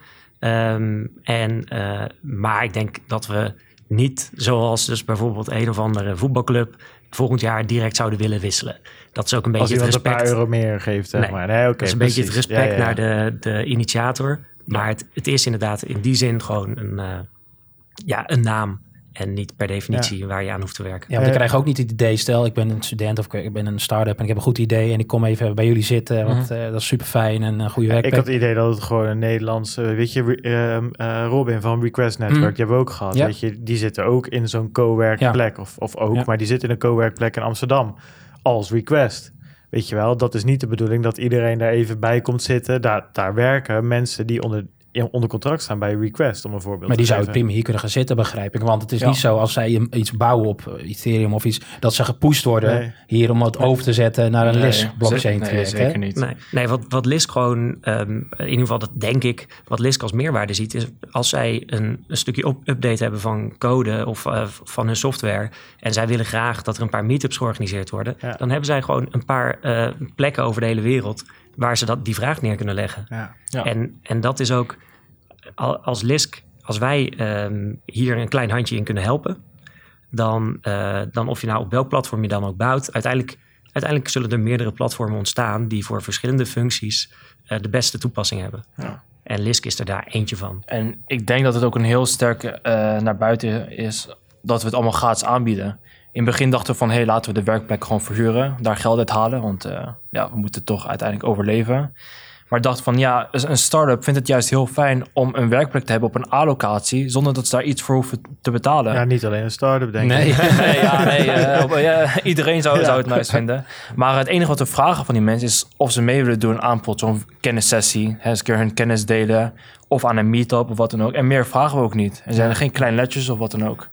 Ja, dat is dus uiteindelijk het soci- social capital, wat we Precies. terugvragen. En uit- uiteindelijk is dat een beetje ook de ideologie natuurlijk. Eh, het bestaat er een toekomst waarin eh, geld niet meer zo'n grote rol speelt en zou blockchain daar een rol in kunnen spelen. Ja. Ja, het is heel, het is heel vet. Ja, kijk, en ja, wanneer, want jullie zijn hier in, ja, jullie zijn wel midden in de, wanneer hebben jullie dat, ik, ik hoef niet de specifics te weten, maar eh, jullie zijn in een beermarket gaan collecteren. Ja, ja vorig jaar kwam het idee. En eh, inderdaad, we, ja, we hebben een beermarkt gecollecteerd. En eh, wel iets minder diep dan hoe we nu zitten. Ja, was rond die 6k dan ongeveer. Ja, inderdaad, rond die- rond die tijd. Ja, Maar ja, ehm, het is moeilijk om geld op te halen in een bear market. Alleen de mensen die het geld hebben gedoneerd zagen ook een to- toegevoegde waarde om zoiets te hebben. Want bijvoorbeeld vorige week hebben we een evenement gehad van Vodafone Ziggo hier. Die hun eigen blockchain eh POC hebben gelanceerd. Nou, die mensen onthouden wel allemaal dat ze in dit center zitten. En voor die donateurs was dat een, een, eh, ja, een, een hele Ja. mooie toegevoegde waarde. Want jullie Ja. zijn nu 3,5 maand open, begreep ik. Hè? Tenminste, hier, eh, volgens mij eh, heb ik dat goed onthouden. Ja, Ja, ja, klopt. Maar hebben jullie echt al, want weten dit soort partijen, je zegt net Ziggo onder andere, weten die al echt al heel actief te vinden? Is dat echt al...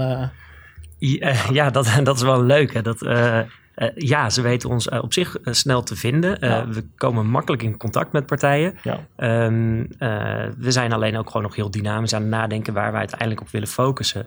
We willen ons niet limiteren. Tegelijkertijd merken we dus ook dat Lisk Center af en toe ehm, de naam een indruk wekt. waardoor een partij zich niet direct zou willen associëren met ons. Ja. Ja. En dan komen ze bij ons tijdens een Ethereum meetup. En dan komen ze er eigenlijk achter dat we veel opener in de wereld staan dan, eh, dan Ja. in eerste instantie gedacht. Ja, maar Ja, we kennen het gevoel. Toch, ik bedoel, Ja, nee, maar we ja. hebben wij natuurlijk ook eh, vaak zat gehad. eh, eh, als we op zoek zijn naar gasten. Kijk, ja, weet je, wij hebben het eigenlijk heel open over blockchain. En als je ziet hoe vaak wij door die prijsupdates skippen en uiteindelijk gewoon over echt eh, Mhm. wat meer diepgaande onderwerpen gaan hebben, dat is eigenlijk waar we ons op focussen. Maar omdat er Satoshi in de naam staat, zeg maar, en op de crypto podcast is, is het toch dan, nou, is wel een beetje spannend. Dus dat doen we dan maar niet. ja. Dus dat kan ik me voorstellen dat ja, als jullie eh, een beetje aan het rondbellen zijn voor een, voor een meetup of, eh, of iets dergelijks, dat, dat dat een beetje hetzelfde werkt. ja. Ja, nou, Ja, ja. uiteindelijk is dat ook de reden dat we heel graag eh, een lokale verankering willen. Ja. Wij willen met lokale partijen ook aan de slag. Ehm, eh, we zijn een plek voor, voor iedereen in de blockchain-wereld. Maar om door met de gemeente te praten en ook te kijken hoe, eh, hoe Utrecht de blockchain eigenlijk meer op de kaart wil zetten, eh, zorgen we er ook voor dat, dat we iets meer naar buiten kunnen gaan uiten. eh, dat we dit voor de innovatie doen. En daarbij gezegd ook, zeg maar, deze innovaties, we weten helemaal niet welke kant het op gaat. Nee. Kan af en toe, sommige kanten zijn helemaal niet zo eh, rooskleurig eh, als we hopen. En ehm, ik denk dat, dat dat is ook een van onze drijfveren. Van zorg dat je erbij bent, zodat je ook de risico's kunt gaan eh, afvangen met z'n allen. En dat kun je niet als een liskcenter alleen. Dat kun je misschien alleen als regio of landelijk of internationaal. Ja. Dus, eh, wat dat betreft willen we dus door andere partijen te betrekken ook eh, dat imago wat, eh, wat opener neerzetten. Ja. Wat zijn jullie ehm, fulltime in dienst dan hier? Is, ben je überhaupt in dienst of hoe, hoe moet ik dat zien? Ja. Nee. Nou ja, Nee. misschien, misschien is dat wel heel belangrijk om ook te vertellen daarbij. Eh, wij doen dit vrijwillig. Ja. Dus wij krijgen er niet voor betaald. Eh, we hebben ook geen subsidies. Het is allemaal gewoon compleet free wat we doen. Ja. Eh, omdat wij geloven in het aspect van blockchain. En wij geloven dat dit een impact kan hebben op de toekomst wat we hier doen. Eh, dus nee, we zijn niet in dienst. En eh, doen het eigenlijk gewoon eh for free. Omdat we het ook gewoon heel leuk vinden. Ja. Maar Ja. toch zie ik je gewoon de hele dag hier, eh, ja, zie ik jullie gewoon hier zitten. Dus, maar zit je dan, ben je dan ook gewoon met andere zaken bezig? Of is dat echt gewoon wel dedication op, op het listcenter? Nou, het is niet mogelijk om alleen maar hiermee bezig te zijn. Ehm, eh, dus iedereen heeft zo zijn eigen baan erbij. Ja. eh, en of het is freelance of het is ergens in dienst. Ehm, de ambitie is natuurlijk om hier fulltime met blockchain gerelateerde zaken aan de, aan de slag te gaan. Maar ja, het, op dit moment is het de stichting. En de, het voordeel daarvan is dat we de, de stichting die, die hoeft alleen in de locatie te voorzien. Eh, maar Ja. eh, ons am- ik denk, denk zeker dat we, dat we zoekende zijn naar wat nou de beste vorm daarvoor is. Eh, en Ja. en dat, ja, nu is het echt pure passie, denk ik, dat, hoe iedereen erin zit. Het, het klinkt, dat vind ik het toffe eraan eigenlijk, hoe meer ik dit hoor, gewoon eigenlijk uit, een uit de klauwen gelopen idee. ja, ja, dat- jullie, jullie hebben een prachtige locatie voor de, de het dus jaarbeurs naast Utrecht Centraal, weet je wel. Ik bedoel, als je hier een beetje om je heen kijkt, zitten toch wel wat, wat grotere financiële instellingen. Eh, World Trade Center, Rabo zit hier in de buurt en een Volksbank zag ik een gebouw van. Ja. En daar zitten jullie tussen en dan kom je aangelopen. We hebben echt be- best wel een flink stuk eh, kantoor eigenlijk. En, Ja. eh, maar dat, ja, ik vind het moeilijk te, te, te, te, rijmen dan, zeg maar, dat, dat, dat is er dan allemaal. En dat hebben jullie dan voor elkaar weten te boksen. En dan is het nu, voelt het bijna alsof jullie zo zitten van, ja oké, dit is nu gelukt. En eh, dus we zijn geacclimatiseerd hier. Ja, en, en nu? Ja. Klopt Ja. dat een beetje? Of is dat... nou, ja en nee. Ja, Ik, eh, sorry. Ja, nee, ja, ik, ik denk van eigenlijk wel. Ik bedoel, eh, het, het, het- het moet een, eigenlijk gewoon een jongensdroom zijn om een eh listkantoor, of in ieder geval al een cryptocurrency kantoor te hebben op zo'n A-locatie. Ik bedoel, Wie had dat gedacht eh, een anderhalf jaar geleden? Dus het is inderdaad ook een, eh, een beetje uit de hand gelopen idee. Maar wij weten dus hoe langer we hier eigenlijk mee bezig zijn, wij weten dat we hier impact mee kunnen maken.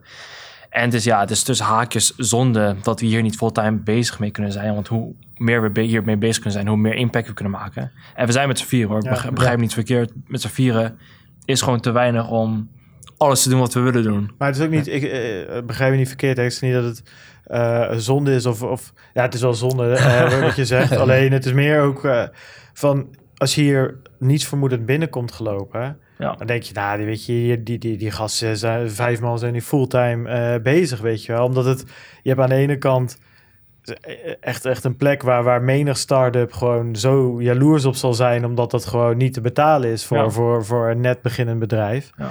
Dus ik, vo- die, die, eh, ik had het helemaal niet verwacht, zeg maar, eh, dat, dat, Ja. dat het volledig vrijwillig dan zou zijn, jullie tijd, zeg maar. Ja, ik denk, ik denk dat eh, in die zin. ehm, eh, Joost is de initiator die, eh, en die is gewoon van het doen. En ik denk dat we een fantastische eh, combinatie van skills hebben met z'n vieren. En, Ja. en eigenlijk ook met mensen die daar omheen nu ook bij Lisk Center zitten. dat we dit, dat we verder kunnen denken. Maar het leuke is van, ja, waar, waar, waar haken de meeste ideeën af eigenlijk? Dat is misschien wel bij het doen. En we hebben het gewoon neergezet en dan, dan verder. Ja. En we, we hebben ook heel veel ideeën hoe we, hoe we dit zouden kunnen exploiteren. En alleen, eh, het, het is gewoon best wel een... Het is eigenlijk de wereld op zijn kop. Precies wat je zegt. Als start-up begin je eh, misschien met twee bureaus ergens thuis. Eh, en nu draaien we Ja. volledig om. Maar eh, daarmee laat je ook zien wat voor goeds er uit zo'n blockchain crypto-wereld kan komen. Ja. Want dit is dus opgehaald en daarom, we wilden ook met z'n allen niet dus geld in je zak steken en dan weglopen van ja oké, nou we zien het wel. Ja. Nee, we willen eerst iets neerzetten, bewijzen dat het Ja. werkt, dat, dat mensen de meerwaarde zien en, eh, en dan eh, er in ieder geval voor zorgen dat ook iets duurzaam blijft. Ja. Ja. Ja, dat had je, ik zit te denken. eh, kijk, tuurlijk wil je dat niet in, in je zak stoppen en veel geld ophalen bij, bij, bij de community en dan en, eh, en daar wat leuks van gaan kopen. Mm. maar je ziet bijvoorbeeld ook eh, bij Grin hebben we dat ook gezien. Mhm. eh, dat die developers daar, die, die schrijven een heel plan elk kwartaal. Die, die, die lead developer in ieder geval, best wel uitgebreid stuk. Zegt hij van, nou, dit heb ik voorgaande kwartalen gedaan. Toen heb ik mijn doelen voor 90% gehaald. Dit, deze keer wil ik dit. Ik ga een wallet maken. Ik ga dit maken. Ik ga zus maken. Ik ga zo maken.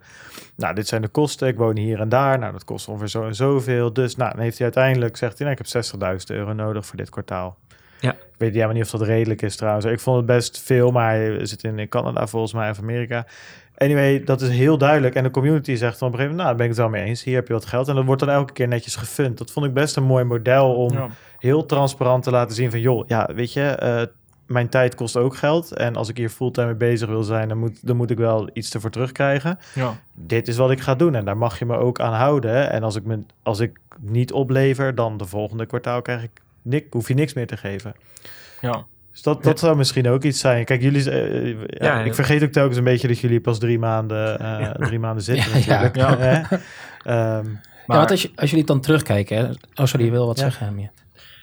Nee, ja, kijk, weet je wat het ook is? Wij in, in het begin dachten we ook van misschien kunnen naast dat we geld ophalen bij crypto community, misschien zijn corporates ook wel geïnteresseerd om zich hierbij aan te sluiten. Ik bedoel, ik weet dat er bepaalde bedrijven zijn die 5000, misschien 10.000 euro voor een stand eh, eh, uitgeven bij een beurs om, eh, om mensen aan te trekken, studenten. Maar wij hebben in de Lit Center daadwerkelijk blockchain studenten.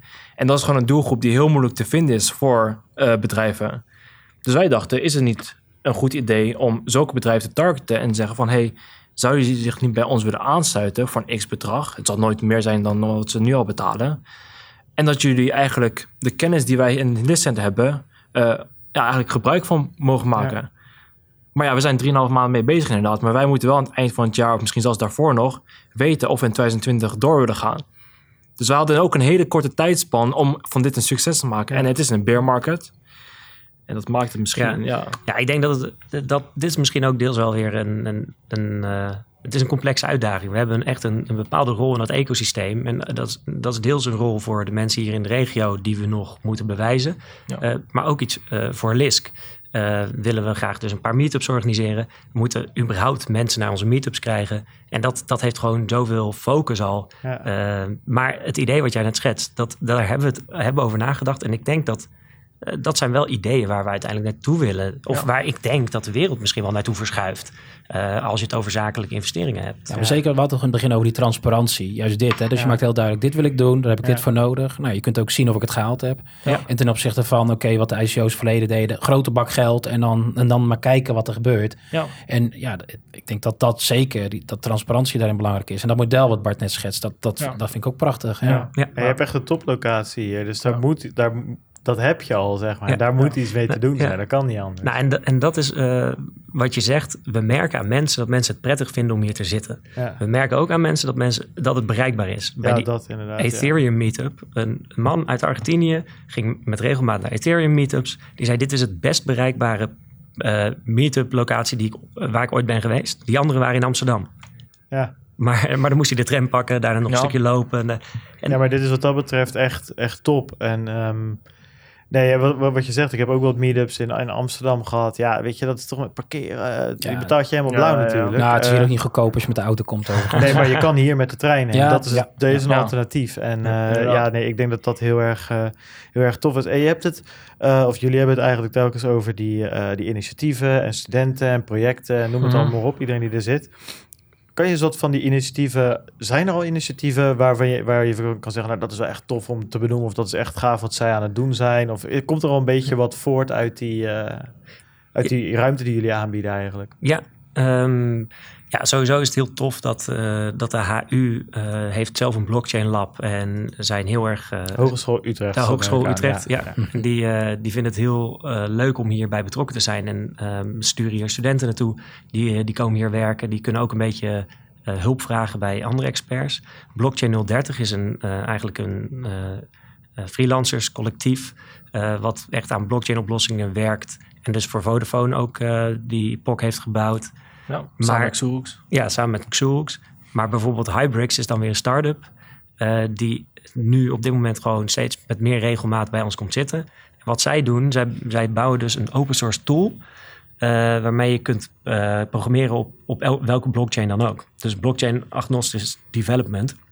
En daarmee zou je dus in theorie gewoon kunnen zeggen: ik wil dat op het moment dat er transacties binnenkomen, dat ik dat schiet ze maar in de blockchain die op dit moment de minste transactiekosten heeft.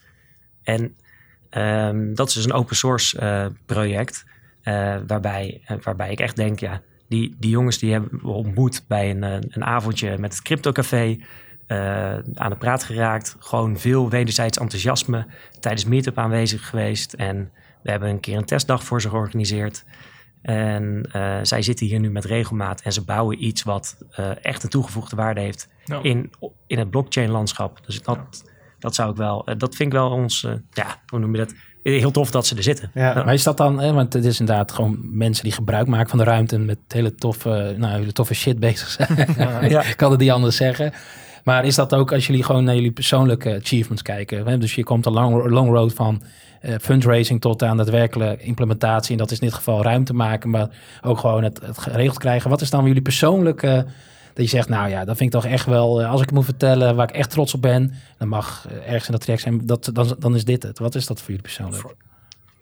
Nou ja, misschien nou, persoonlijk. ik ben, wat is het, vier jaar geleden gestopt met mijn HBO. En was op een gegeven moment gewoon werkloos. Omdat ik dacht dat ik een beter leven zou krijgen na het HBO. Bleek dus niet zo te zijn. Dus ik wilde gaan ondernemen. En toen vertelde mij mijn vriend over de Bitcoin. En zei van. Voor het, e- voor diner, want ging diner, voor het diner koop ik één bitcoin. Aan het einde van het diner verkopen. En de winst die we maken, ko- we betalen het diner mee. En dat was de eerste keer dat ik zag dat ik geld kon verdienen zonder dat ik hoefde te werken.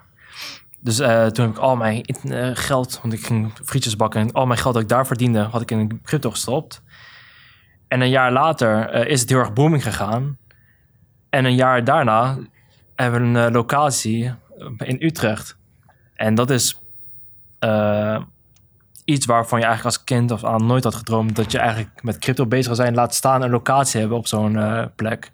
En ik vind het heel mooi dat we dit gratis kunnen doen en dat we de kennis die wij hebben eh, kunnen delen met anderen. En voor mij is succes dat je hebt eh, goed, maar het is nog mooier om die te delen met anderen. Ja. Ja. En jij Jurre, wat is voor jou echt, voor jou dus meer de locatie echt van waar je, dat je zegt frietjes bakken, maar tot aan je echt je space daar hebben. Dat is dus voor jou dat je zegt van wauw. ja, eigenlijk van niks naar iets gaan. Ja. En Ja. jij Jurre? Ehm, ja, ik heb ehm, innovatiewetenschappen gestudeerd in Eindhoven. En eh, heb ik overigens mijn scriptie niet afgeschreven. maar dat, is- dat is een ander verhaal. Zou je dat niet op deze heerlijke werkplekken kunnen gaan Eh, doen? ja. Of kan dat nog? nou, eh, uiteindelijk. ehm, maar waarom ik dat interessant vond, is omdat het eh, gaat over ehm, hoe, wat eh, eigenlijk de ontwikkeling van technologie voor een impact heeft op onze maatschappij. En eh, dat vanuit psychologisch, filosofisch, eh, economisch en eh, verschillende perspectieven. En, en ik denk dat zeg maar, blockchain is zo'n technologie die zo'n impact gaat hebben op, op onze maatschappij. Hoe wij samenwerken, hoe wij aankijken tegen onze, ons economisch handelen. Hoe we misschien wel veel globaler gaan werken. Dus voor mij is het feit dat ik... Ik ben toen uit, vanuit een hobby in... eh, wilde ik weten hoe bitcoin werkte. Gewoon in gaan lezen. Ehm, en eh, de- zo gefascineerd geraakt door de concepten die daar eventueel op ontwikkeld kunnen worden. Dat, dat ik dacht, dit, dit vind ik super tof. Dit, dit is een hobby. Eh, het past heel erg bij mijn levensvisie. Dat de wereld er misschien over tien jaar wel heel anders uit kan zien. Kan ik daaraan bijdragen? En dus dat ik hier zit, dat ik eigenlijk, en dat ik ook in een faciliterende rol zit, dat ik andere mensen toffe dingen kan bouwen, omdat zij er ongetwijfeld echt beter in zijn om die technische Ja. zaken uit te werken. Eh, dat ik daarin kan faciliteren, dat vind ik fantastisch. Ja. Dus, dus het eerste echte moment was toen wij hier die locatie opgeleverd hadden. En dat we, dat we hier konden beginnen met eh, mensen naar binnen trekken. En ik denk dat het volgende moment ook wel is... We hebben al best wel veel discussies gehad met z'n vieren. Mhm. En eh, van oké, welke kant moeten we nou op? En hoe moeten we dit nou vo- vorm gaan geven met z'n allen? Hoe, Ja. Ehm, eh, want, want inderdaad, zeg maar, kunnen we dit wel? eh, hoe lang kunnen we dit gratis blijven doen en niet? En ik denk dat voor mij wel persoonlijk, dat ik in de afgelopen paar maanden heel veel heb geleerd. Ja. En dat ik als persoon misschien ook wel weer een stukje ben gegroeid. Juist mede door, door eh, de interacties met Miet en met Rafael en met Joost. Ja. En hoe voelde dat dan op een gegeven moment als iemand echt hier op die bel drukt? Hè? Want je komt binnen en dan staat er een bel met eh List Center. En denk je, hey, er komt iemand aan om te werken. En dan belt iemand aan en die komt daarna met zijn tas Ja. en die komt zitten. Hoe, wat, wat, hoe voelt dat dan? Nou, misschien, ja, wat is, ja, je, op een gegeven- je hebt alles staan, maar er zit nog niemand. Opeens gaat die bel. misschien wel leuk, toen, maar ik en, ik en eh, Juro aan het praten in dit center nog voordat het open was. En, en op een gegeven moment hoorden we een telefoon rinkelen. en, en, en we wisten niet eens dat we een telefoon hadden. dus, dus, dus deed de kast open en ik, nam ik nam op en ik zei... hey, ja, ik zou voor dit center en ik zou graag een dag willen werken. Maar waren nog niet eens open. Ik denk van, wow, wie is dit? Wie is dit? Dus ik deed de deur open en bleek uiteindelijk een, eh, iemand te zijn van Odyssey, van Ja. Hackathon. Ja. Ja, ik dacht, wow, top. Nou, top. Hun hebben ook ons gevonden en waren niet eens open. Laat staan alle andere mensen die komen. Dus eh, het is een heel mooi gevoel. Ja, Ja. het is echt een heel tof gevoel. Ja, en ik denk, denk inderdaad dat we dat... We hadden eerst geen bel. Ehm, die hebben we maar aangeschaft, want dat is toch makkelijker omdat je open en eh, eigenlijk gewoon die doorloop wil hebben. Ja. Ja, Eh, nou, we hebben gewoon heel snel gemerkt, binnen een paar weken hadden we gewoon een aantal mensen zitten. En we kunnen heel makkelijk de, de toko vol krijgen, als, om het zo plat te zeggen. Alleen dat is niet de ambitie. De ambitie is wel om Nee. ehm, uiteindelijk eh, mensen die, die hiermee bezig zijn, die hier de eh, blockchain verder willen helpen, zelf toffe ideeën hebben, misschien ook niet de ruimte of juist zo'n eh, zo'n omgeving zoeken, die willen we de ruimte bieden. Ja. En ik denk dat we aan het begin een hele korte spurt hebben gemaakt met wie we dan persoonlijk hebben benaderd. En nu loopt dat een beetje vanzelf. En nu zijn we gewoon op zoek naar juist die partijen die in de buurt zitten, die echt nog een, een plekje nodig hebben. Mhm. Maar ja, merk ik, ik merk wel, af en toe is een dag rust best wel fijn. ja. Want het is toch een open, open werkplek. Ja. Maar het is toch veel leuker als je met z'n allen, eh, Ja. met z'n allen vol zit. En je bent eh, lekker aan het nadenken over eh, Ja. wat, we, ja, wat iedereen eigenlijk zelf weer eh, En misschien bereiken. een belangrijk ding ook. Je hoeft niet een developer te zijn om in dit center te zitten. Je kan ook met, ik ben zelf van business development, dus marketing.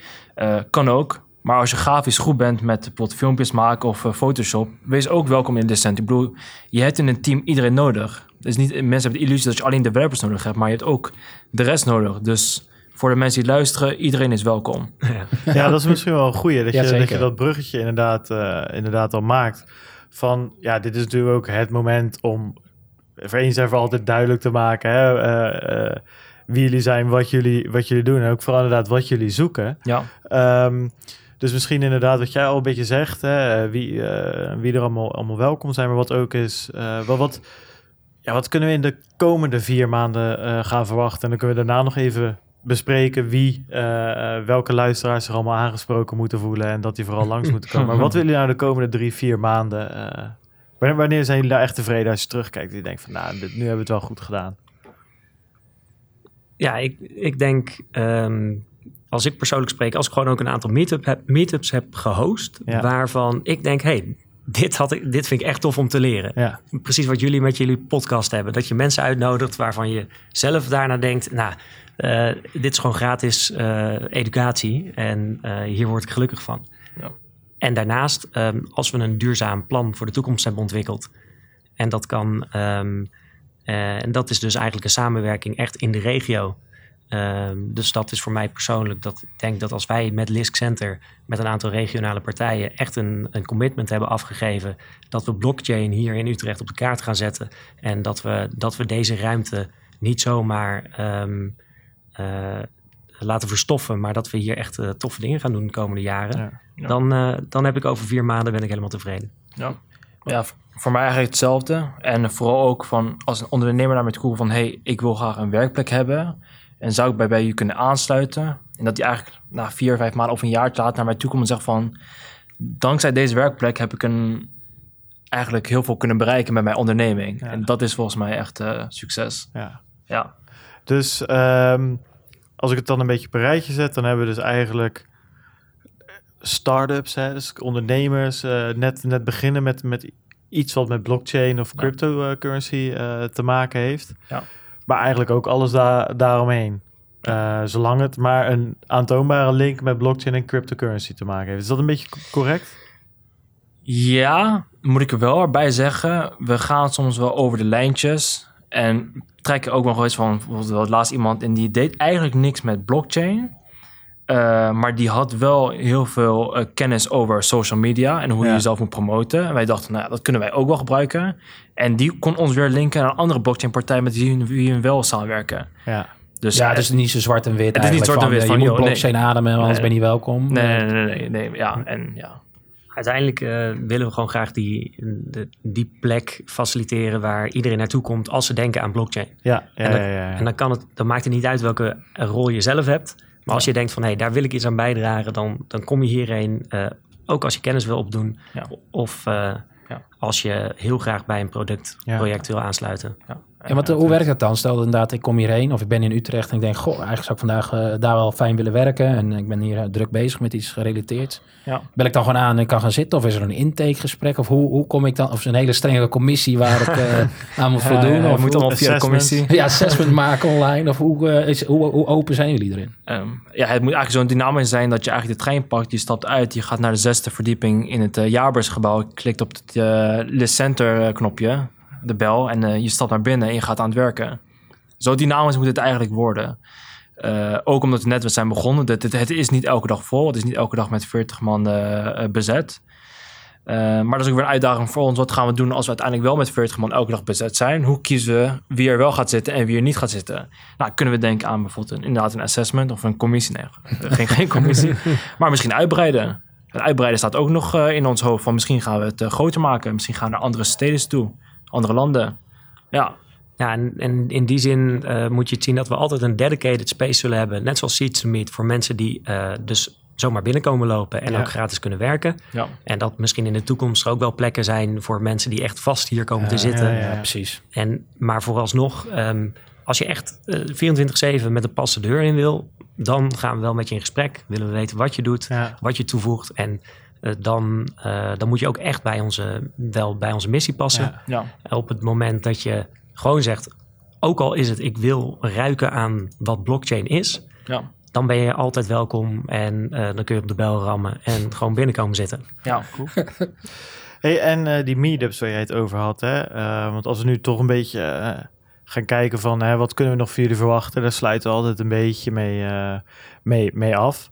Het is in ieder geval duidelijk waarvoor mensen overdag uh, langs kunnen komen. Maar de meetups zijn natuurlijk meestal s'avonds met een borrel erbij. Of in ieder geval, het zijn de meetups waar ik meestal Ja. heen ga. Ja. Um, staat er al wat op de planning? Zijn er al me meetups geweest hier? Uh, ja, kun je Ja. er een korte, korte samenvatting van, uh, van, van geven? Nou, we hebben meerdere meetups gehad. Uh, we hebben ook kennissessies. Ik vind persoonlijk kennissessies vind ik heel leuk. Ja. Uh, bijvoorbeeld, onze eerste kennissessie was over het onderwerp wat is uh, blockchain Ja. en hoe kan je blockchain het beste toepassen. Nou, ja, we, hè, iedereen in crypto zegt dat hey, blockchain, blockchain, ja, is de toekomst, toekomst. Maar na drie uur sparren over waar je blockchain het beste voor kan toepassen, komen we erachter dat het eigenlijk toch niet zo rooskleurig is als het is. Maar dan zit je daar wel met 15 man, met allemaal uh, die, die goede kennis hebben. En dat is wel heel interessant om, om bij zo'n kennissessie bij te zijn. Ja. Dus ook voor de mensen die uh, luisteren en denken van... hé, hey, uh, ik zou graag willen weten hoe bijvoorbeeld blockchain toe, toegepast kan worden voor uh, telefonie, ik noem maar iets. Ja. Dan gaan wij kijken wie past erbij. Nou, misschien zo'n Vodafone Ziggo kunnen aantrekken. En dan gaan we daar met z'n twaalfen of met z'n tienen, whatever, een avond over sparren. Dus dat doen we. Hey, En- ja. was hier toch laatst, of niet? Ja, Ja, Datadash was, Ja. daar laat, eh, was bij ons laatst. Ehm, ja, als een klein sprongje naar eh, de crypto-wereld. Ja. Want we hebben ook af en toe, dat gaan we nog doen, TA-workshops voor de Technische analyse. luisteraars die eh, graag Picasso zullen zijn op de, de grafieken. ja, die weer graag meme-driehoeken willen, willen. Dus daar gaan we ook nog ons eh, op richten. Maar, ehm, en meetups hebben we ook. Eh, maandelijkse meetups. Met eh, allemaal verschillende onderwerpen. We hebben er volgende week eentje die gaat over gaming en blockchain. Hoe kunnen we blockchain gebruiken voor de gamingwereld? Nou, heel relevant, want iedereen houdt van game, of de meeste. En iedereen houdt van blockchain. Dus eh, ja, dat, dat komt eraan. Ja, en dat, en dat doen we dan ook in samenwerking met de Dutch Gaming Garden. Eh, die zit hier één verdieping beneden. Ehm, Komodo. ja, Komodo ook. Dus ja, wederom eh, eh, een, een ander blockchain platform. Ja, ik wou dat zeggen. Ja. Ja, En nou, we hebben dus in de afgelopen maanden, hebben we denk ik 11, tussen de 10 en 15 meetups gehost. Ja. eh, slash kennissessies. Eh, en in de, volgens mij staan er voor de komende maanden ook al wel weer echt een paar gepland. Ja, Misschien wel vier, vijf. We hebben ook een mini-conferentie van de Hogeschool Utrecht. Waarin ze hun, eh, eigenlijk wat onderzoeken pre- presenteren. Er zijn een aantal studenten die hun ei- eind afstuderen dan graag hier ook geven. Ja. En ik denk dat eh, wat, wat belangrijk is, wij plannen nu meetups met bepaalde thema's. We hebben dus eh Self-Sovereign Identity, Ja. is 23 mei. Eh, komt eh, Phil Windley ehm, uit, het, eh, uit Amerika, denk ik. Ja. Eh, komt hierheen. Eh, eh, dan hebben we ook, denk ik, Taiken als spreker erbij. Hmm. Ja. Eh, dus dat is ook een interessante. Capgemini komt ook langs. Capgemini, Ja. dat gaat over het testen van blockchain. Ja. De- eh, dus hoe schrijf je nou goede tests voor blockchain en waarom zou je dat... Nou, ik weet eigenlijk niet exact of... eh, Ryan Lewis heet zij. Ja, Ryan Lewis. is- Eh, nou, niet exact wat zij gaat vertellen, maar zij gaat in samenwerking met Capgemini dus hier ook een, een verhaal houden. Ja. En ja, wat wij uiteindelijk idealiter zien, is dat we zelf de content niet per definitie aanbrengen. Ja. Dus al- als je een vraag hebt, als je een goed idee hebt met een leuke meetup en je bent in de regio Utrecht of je Mhm. wil dat in de regio Utrecht hosten, eh, ja, gooi het over de Kom bühne, eh, Ja. draag een spreker aan en we organiseren het. Hebben jullie iets van een community daarvoor? Eh, we hebben een Slack community. Ja. Eh, we hebben ook een WhatsApp groep. Alleen we hebben dat nog niet helemaal eh 100%. Ja, iedereen, iedereen heeft natuurlijk zijn communities. En we proberen er eigenlijk een beetje open in te starten. ja. Die heeft weer Ja. Telegram, die heeft weer Signal, die heeft weer WhatsApp en Ja. eh, Discord. Ja. Of een Ja, Discord dat is, best, inderdaad. dat is best lastig hoor. Daar zitten we ook altijd wel mee te kijken. Alleen dat is wel, wij merken in ieder geval heel erg, in ieder geval voor de podcast, hè, daar hebben wij hetzelfde. Wij willen graag dat mensen ideeën aandragen, vragen kunnen stellen, ook aan de gasten. Mhm. Ja, en die Telegram werkt daar best wel, wel aardig voor. En ik denk dat dat, dat, dat de hele communityband heel erg versterkt. Ik Ja. bedoel, het is niet alleen zo dat de luisteraars ons kennen, wij kennen de luisteraars ook. Ja. En dat Ja. geeft een hele interessante dynamiek die je eigenlijk bij veel andere podcasts niet zo erg eh, hebt. Het is toch meer een one-way street. Ja. Hetzelfde geldt voor YouTube en andere kanalen natuurlijk. Tuurlijk. Ja, zenden. hè, gewoon Ja, het is zenden inderdaad. En natuurlijk zenden. lezen YouTubers de comments wel, maar echt in gesprek gaan, dat, die kans heb je vaak natuurlijk niet. Nee. Ik denk, ja, we hebben een Slack-kanaal. Eh, daar zou je op kunnen aanhaken. Maar wellicht is onze Twitter nog het eh, Ja. meest bezocht. En dat is wel interessant, ja. Want dat, dat heb ik hier staan als at Lisk Center. Ja, Toch? Dat, Ja, ja, eh, ja, ja. ja, jij hebt er maar bij gezet, dus ik uh, Ja, maar copy-paste skills die zouden eh, nog wel in orde moeten zijn. Ja, nee, ja, nee. Top. Kan niet veel, maar dat lukt nog net. Ja, dus nou, we, we vragen wat, wat kunnen we verwachten. Nou, dat is eigenlijk dus een hele hoop meetups de komende tijd, kennissessies Ja. en, eh, en, en hopelijk een, een levendige fysieke community ook. Niet alleen eh, Ja. online. ja. Ja, Is dat goed samen, samengevat? Stop. Ja, en ik denk ook dat ehm, binnen nu en een paar maanden zullen we een nieuwe website online gooien. Of zullen we onze website herzien van content. En dan zal ook duidelijk worden waar we, denk ik, over een jaartje staan. Ja, ik ben benieuwd. Ja, ik, ik, ik ben heel erg verrast eigenlijk. Ik, ehm, wat ik zei, ik, ik had al van het Lisk Center gehoord. Ja, ik denk, ja, dat is van Lisk. En die zullen wel Lisk dingen aan het Hm, bouwen zijn. ja, ik heb ja, een keer meetup eh, dingetjes gezien. Ja. En ik had geen idee dat het... eh, ja, vandaag toen ik me aan het inlezen was. Maar ik had geen idee dat het zo was als dit. Ja, het is grappig natuurlijk, want ik had toen Jurre benaderd en toen hebben we poos aan de telefoon gehangen. Volgens mij hebben we toen ook tegen een uur aan zitten bellen. Gewoon dan, wat- ja, wat doen jullie? En precies dit, wat jij zegt, die verrassen was ik ook. Van, hey, oké, doe niet voor, voor niets eigenlijk. En wat zijn jullie doel, of doelen? En dat, ja, eigenlijk ging het van alles over. Toen zei we, nou, dit is genoeg basis om een, le- een leuk gesprek te hebben. Want ja, als je alleen een ruimte verhuurt, dan houdt het snel op. Het gaat echt om de ambities achter die ruimte. Ja, en het leuke wat van ik hier, je, we hebben het natuurlijk over lekker cryptisch gehad in het begin. Ja. Dat zij een nieuwswebsite hebben waar ze eigenlijk gewoon een eigen ding doen en een eigen mening geven. Een objectieve kijk op het nieuws. Ja. Zonder advertenties, zonder raffling, zonder de hele pleurensooi. En die jongens die werken ook gewoon fulltime daarnaast, weet je. Die doen dat ook gewoon echt voor de lol, omdat ze het leuk vinden.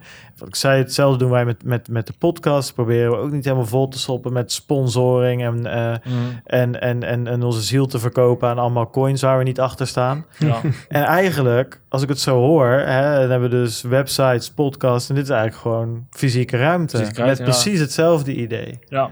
Dus hè, geld opgehaald, ruimte gehuurd. En ja, nu eigenlijk is er niet echt een businessplan. Meer gewoon een bepaald dro- droombeeld eigenlijk wat je probeert te verwezenlijken. Dat vind ik heel erg vet. Ja, wij dat zijn, is toch natuurlijk- tof. wij zijn natuurlijk gesponsord door eh, Greg Wright, hè, Satoshi. Dat is natuurlijk, eh, dat weet je toch wel? Hey. Wat? Die, Die, was, die was gisteren in eh, ja, Amsterdam, was bij Bitcoin ja, ja, dat is toch de Satoshi, dus dat is onze eh, naamgever. Ja, klopt. Ja, ja, ja, ja, ja, op die manier. Ja, ik moet, hij moet, kwart, kwartje moest even natuurlijk. vallen. Ja, en ik zag hem. ja.